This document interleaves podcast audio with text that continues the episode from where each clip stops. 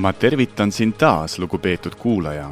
on möödunud mitu kuud sellest, kui tuli välja minu podcasti Täna Venemaal viimane osa. vähesed teavad, et veel rohkem kui poliitika Venemaal huvitab mind kino. mul on isegi unistus teha kunagi oma täispikk film, mis oleks nomineeritud Oscarile. veel enam, ma tahaksin olla esimene Eesti kodanik, kelle film võidab Oscari kategoorias parim võõrkeelne film. Juba terve kümnendi olen vaadanud neid filme, mida iga aasta Oscarile esitatakse. alati koostan ka isiklikku võitjate nimekirja. selle käigus on kõige põnevam see, et sa kindlasti avastad enda jaoks mõne filmi, millest sa ei ole isegi varem kuulnud, aga mis tekitab sinus väga sügava emotsiooni muidugi, kui Oscar selleks aastaks läbi saab, tekib selline vaakum umbes, et mida nüüd peaks vaatama. selles olukorras tuleb appi kas IMDB parimate filmide nimekiri või mõne kinoassotsiatsiooni või kinokriitiku edetabel. vaadates läbi erinevate ajastute maailma kinoklassikat, ei saa ma ütelda, et iga film puudutaks mu hinge või inspireeriks mind või lihtsalt tekitaks pisaraid tihti võivad sellised filmid olla isegi väga tüütud, sellistel hetkedel kuulen aga sisemist häält endale märkust tegemas ning ütlemas, see on ju tõeline kinoklassika, sa pead seda vaatama, võib-olla sa lihtsalt ei saa veel mingitest asjadest aru, seepärast istu ja vaata edasi. ja ma vaatan, kuigi kogu mu mõistus ütleb mulle, no ei ole see mulle ikka huvitav, ei taha ma seda vaadata, see film ei tee mind mingit moodi paremaks ja teate, peale pikka võitlust endaga ma enam ei vaata filme, mis ei ole mulle huvitavad. lõppude lõpuks leidsin endas julguse mitte raisata oma eluaega filmide peale, mis ei ole huvitavad, vähemalt minu jaoks, isegi siis, kui keegi on tunnistanud neid meistriteosteks üks minu sõber, tema nimi on Jevgeni, kinkis mulle vene režissööri Andrei Zvjagintsevi raamatu, mis kirjeldab tema enda filmi Jelena valmimist. alates stsenaariumi kirjutamisest ja lõpetades vestlustega fookusrühmades, kes esimesena vaatasid just valmis saanud filmi. lugedes seda raamatut sain väga selgelt aru kahest asjast. Need asjad on nii tähtsad, et ma ei saa neid teiega jagamata jätta. esimene ma taipasin, et kui filmirežissööri sisemine maailm, tema väärtuste mudel ei klapi teie omaga, siis ükskõik kui geniaalne ta ei oleks, seda geniaalsust ei suuda ta lõpuni mõista kui teie maailmapildis on näiteks klaas alati pooltäis, siis te ei suuda kaasa kibestuda sellise inimese ideedega, kelle klaas on alati pooltühi ja vastupidi. seepärast soovitan igalühel leida endale režissöör, kes oma loomingust püstitab selliseid teemasid, mis resoneerivad just teiega. ja ärge kunagi ahastage sellepärast, et te ei saanud aru millestki, mida peetakse geniaalseks, sest geniaalne on see ainult mõnedele, võib-olla päris suurele hulgale inimestele aga mitte kõikide jaoks. see ei puuduta ainult kinomaailma, vaid ka muusikat, ilukirjandust ning kujutavat kunsti muidugi keegi võib teile vastu vaielda ja ütelda, et tähtis ei ole see, millest on film, vaid see, kuidas ta on tehtud. ja see on omaette õige tähelepanek, kuid see on õige ainult siis, kui filmi valmistuse meetod täiendab filmi peamist mõtet ma ei usu, et keegi oleks hämmastanud suurepärasest operaatoritööst, kui film ei ole talle huvitav. teine, režissööri vestlusest fookusrühmaga tuleb välja, et väga tihti tahavad pealtvaatajad näha filmis asju, mida keegi pole sinna tahtnud panna. Zvägintsevelt küsiti, kas sellest stseenist ta mõtles seda, kas teises hetkes ta tahtis ütelda midagi muud enamusele nendest küsimustest ta vastas eitavalt, mis tähendab, et kui vaatate mõnel Youtube kanalil filmi arvustust, mis seletab teile seda, mida autor päriselt tahtis öelda, siis väga suure tõenäosusega ei vasta see arvamus tõele. siin tahaks tuletada meelde Paul McCartney't legendaarsest bändist The Beatles, kes oma karjääri tipphetkel oli väga kurb selle üle, et fännid tulid nende kontsertidele ainult selleks, et näha neid ning ei kuulanud enam seda, mida nad mängivad. McCartney otsustas omal moel fännidele kätte maksta ning nad kirjutasid koos John Lennoniga laule, mille sõnad tulid neile lihtsalt esimesena pähe ning mis ei olnud omavahel isegi seotud. kui need laulud välja ilmusid, otsisid fännid salastatud sõnumeid, et teada saada, mida need laulusõnad tegelikult võiksid tähendada. paljud populaarsed teooriad jõudsid massidesse, kuigi mingeid salastatud sõnumeid neis lauludes üldse polnud lõppude lõpuks, nagu kõneleb üks kuulus tarkus, igal teosel on vähemalt kaks autorit. esimene nendest on teose looja ning teine on see, kes seda teost vaatab, loeb või kuulab. ühel ja samal maalil võivad kaks inimest näha täiesti erinevat asja. lugedes ühte ja sama raamatut, võivad nad teha täiesti vasturääkivaid kokkuvõtteid. samasugune lugu on filmidega seepärast, kallis kuulaja, ma kutsun sind usaldama oma tundeid ning vähem pöörama tähelepanu sellele, mida arvavad teised, sest kui sulle midagi meeldis, siis see ongi kõige tähtsam. Ja kui sa arvad, et mõni film on jumala tüütu, siis selles ei ole midagi häbiväärset, sest su sisemine maailm, sinu väärtused, isegi sinu temperament on seadistatud lainepikkusele, mis ei resoneeri antud kinoloomingu sagedusega kuigi võin ütelda kindlalt, et mõne teose jaoks on inimesel lihtsalt tarvis küpseda ja seega anname sellistele filmidele võimaluse tulevikus. teised teosed aga ei avalda meile iial mingit mõju. nüüd istuge mugavamalt ja võtke endale popkorni, meie alustame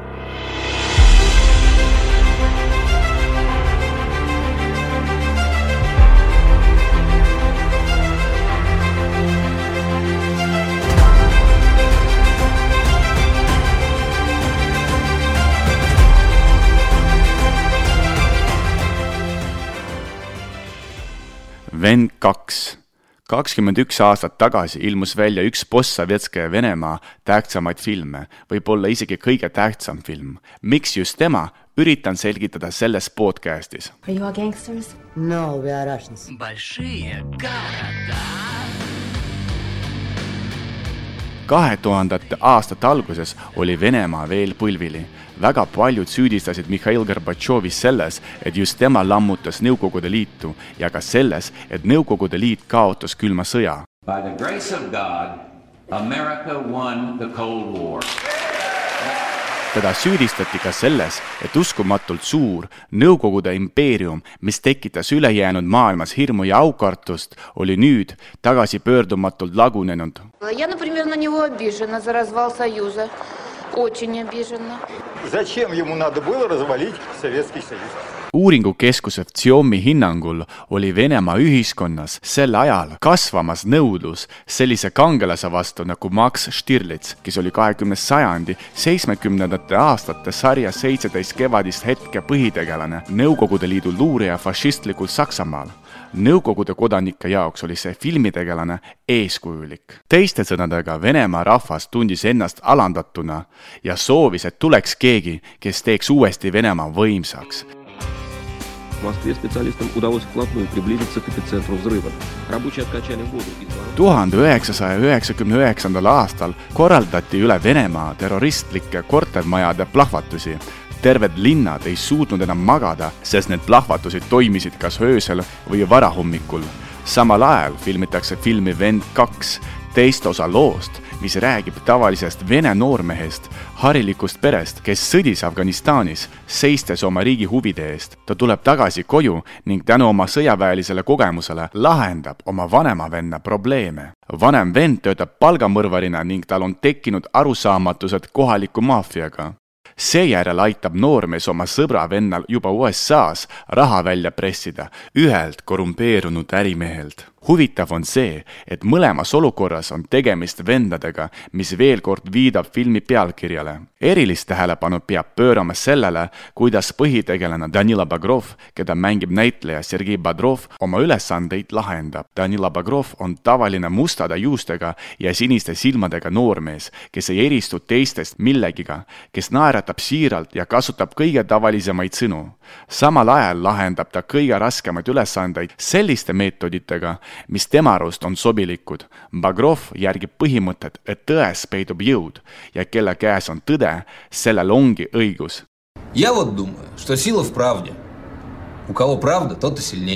tsitaat Tões on jõud saab kuulsaks üle terve Venemaa ja muutub kultuslikuks Danila ise ei otsi teiste inimeste probleemide lahendamisest mingisugust kasumit.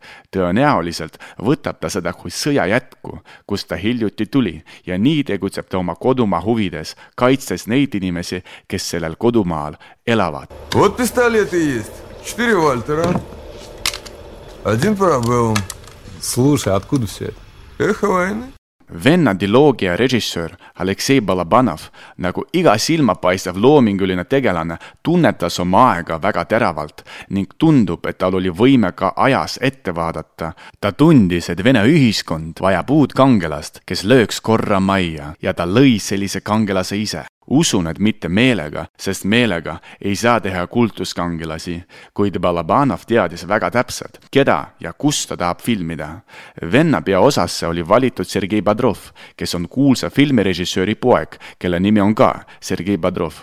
Vene ühiskonnas alati täpsustatakse, kellega on tegemist ja nime lõppu lisatakse, kas tegu on juuniori või seenioriga enne filmi Vend ei olnud Sergei Bodrov kuulus näitleja ja põhimõtteliselt mängis ta selles filmis iseennast.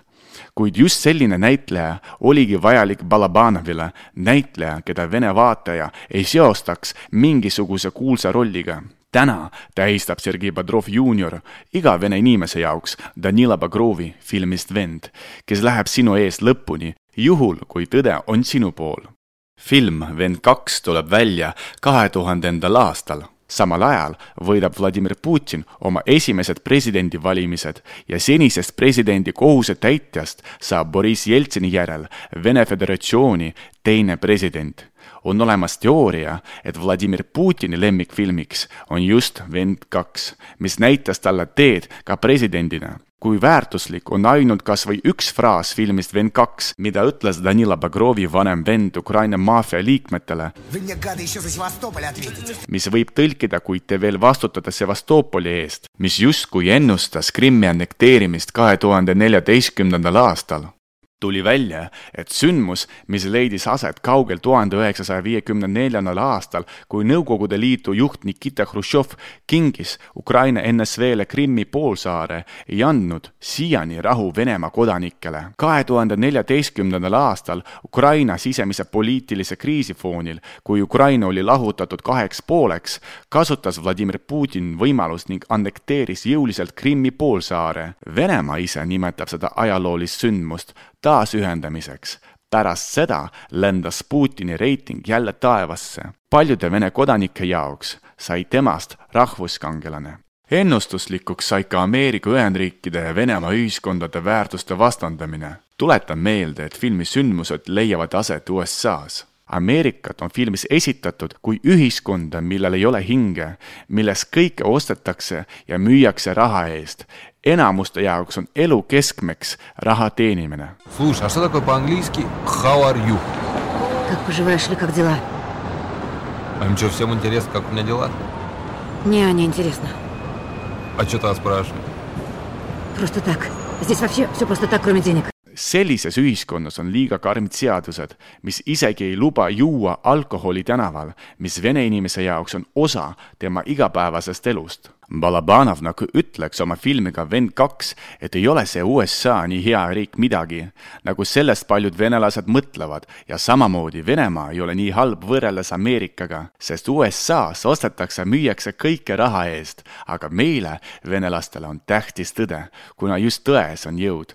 Vene vaataja toetas seda mõtet. Ja mõned aastad hiljem, kahe tuhande seitsmendal aastal Münchenis esines Vladimir Putin kuulsa kõnega, milles andis selgelt teada, teada, et Venemaa ei kavatse enam käituda nii, nagu tahavad seda Ameerika Ühendriigid ja et Venemaal on omad rahvuslikud huvid mille suunas ta nüüd hakkab liikuma, kas meeldib see kellelegi või mitte. Россия страна с более чем тысячелетней историей. И практически всегда она пользовалась привилегией проводить независимую внешнюю политику. Мы не собираемся изменять этой традиции и сегодня. sellest hetkest hakkasid ka USA ja Venemaa suhted halvenema ning praegu on nad päris tõsises kriisis, sarnaselt sellele, mis toimus külma sõja aegadel. kuid filmis Vend kaks ei ole kõik tegelikult nii polaarne selle filmi üheks peategelaseks on ka Ben Johnson, tavaline rekkajuht, kes võtab oma auto peale Danila Bagrovi keset tema jaoks tundmatut Ameerikat, kuna viimasel läks katki auto, mille ta on ostnud Vene juudi käest. Where you from? Ты откуда? Uh, from? I, me, I, I'm an American. Я I live американец. in America. Я живу в Where are Америке. you А ты from? откуда? Ah, I'm Russian. Russian. Русский? Uh-huh. From Moscow? Из Москвы? Moscow. mõni aeg hiljem, jõudes Chicagosse, hoolitseb tema eest ja annab oma korteri söömaja kohalik kuulus tv saatejuht. lõppude lõpuks tekib tunne, et võib-olla üldiselt USA ongi selline müüdav riik, kuid head inimesed, kes on valmis niisama appi tulema, on seal siiski olemas filmi kulminatsiooniks on stseen, milles peategelane vestleb Ameerika korrumpeerunud ärimehega, kelle pärast ta USA-sse tuligi. Вот скажи мне, американец, в чем сила? Разве в деньгах? У тебя много денег. И чего? Я вот думаю, что сила в правде. У кого правда, тот и сильней. Вот ты обманул кого-то, денег нажил. И чего, ты сильнее стал? Нет, не стал. Потому что правды за тобой нет. Selles dialoogis seletab Bagrov temale, et jõud ei ole rahas ja et kui inimesel on raha, ei tähenda see veel midagi. jõud on tema jaoks tões ja kelle käes on tõde, see ongi tugev selle põhimõtte järgi elavad siiani paljud vene inimesed. kui olla aus, siis ka mina üritan elada selle järgi ja päriselt usun sellesse.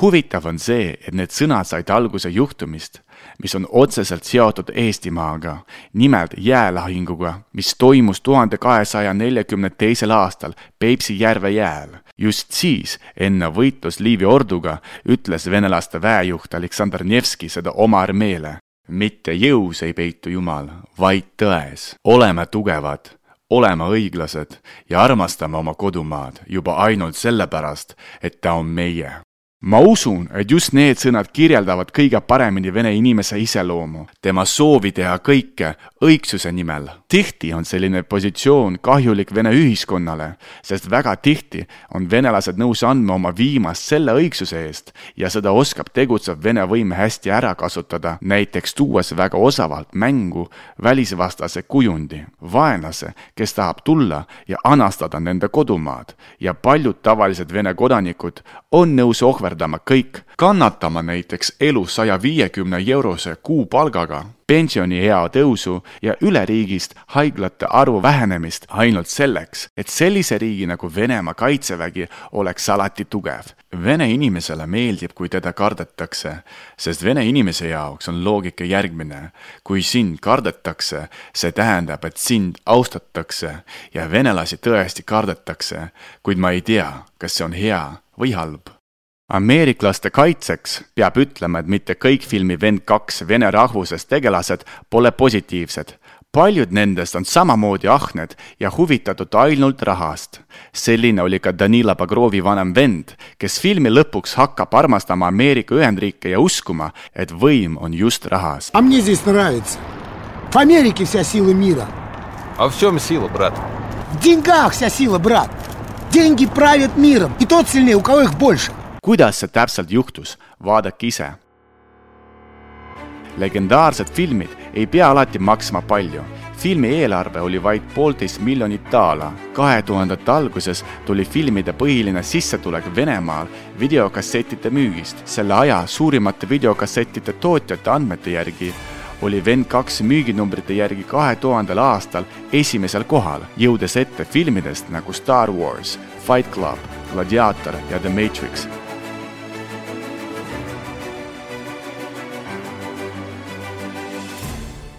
erilist tähelepanu väärib filmi soundtrack, mis koosneb vene rokilugudest. filmi pilt sobib suurepäraselt nende lugudega kokku ning annab edasi kahekümne esimese sajandi alguse õhkkonda. Eesti kuulajad, kes teavad vene estraadi vaid läbi popmuusika, avastavad enda jaoks vene muusika täiesti uue külje. Я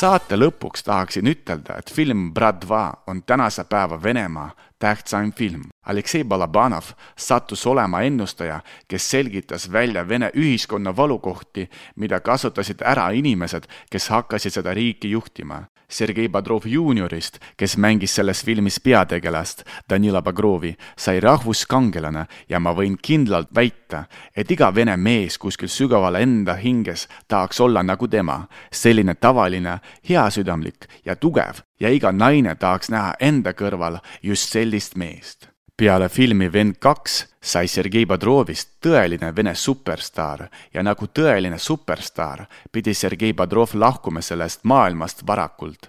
Ainult kaks aastat hiljem, peale filmi Vend kaks ilmumist, kahekümnendal septembril Põhja-Osseetias, seekord juba tema enda filmi Svjaznoi tegemisel, hukkusid Sergei Bodrov ise ning tema filmimeeskond liustiku alla. sellel päeval hukkus sada kakskümmend viis inimest. Bodrov jättis endast maha abikaasa ja kaks last kellest noorem oli vaid üks kuu vana. Bodrov oli kolmekümneaastane. režissöör Aleksei Balabanov, kes venne osade jooksul sai Bodroviga väga heaks sõbraks, elas Bodrovi surma väga raskelt üle. tema lähedased väitsid, et just peale seda sündmust hakkas Balabanov aina rohkem endasse tõmbuma. olles pidevas depressioonis ja liialdades alkoholiga, lahkus Aleksei Balabanov sellest maailmast üksteist aastat hiljem pärast Bodrovi surma. ta suri südamepuudusliku tõttu kaheksateistkümnendal mail kaks tuhat kolmteist, olles vaid viiskümmend neli aastat vana. Saadet tegi Georgi Abalõõmov, Levila kaks tuhat kakskümmend üks. Когда зайдет весна и смерти вопреки.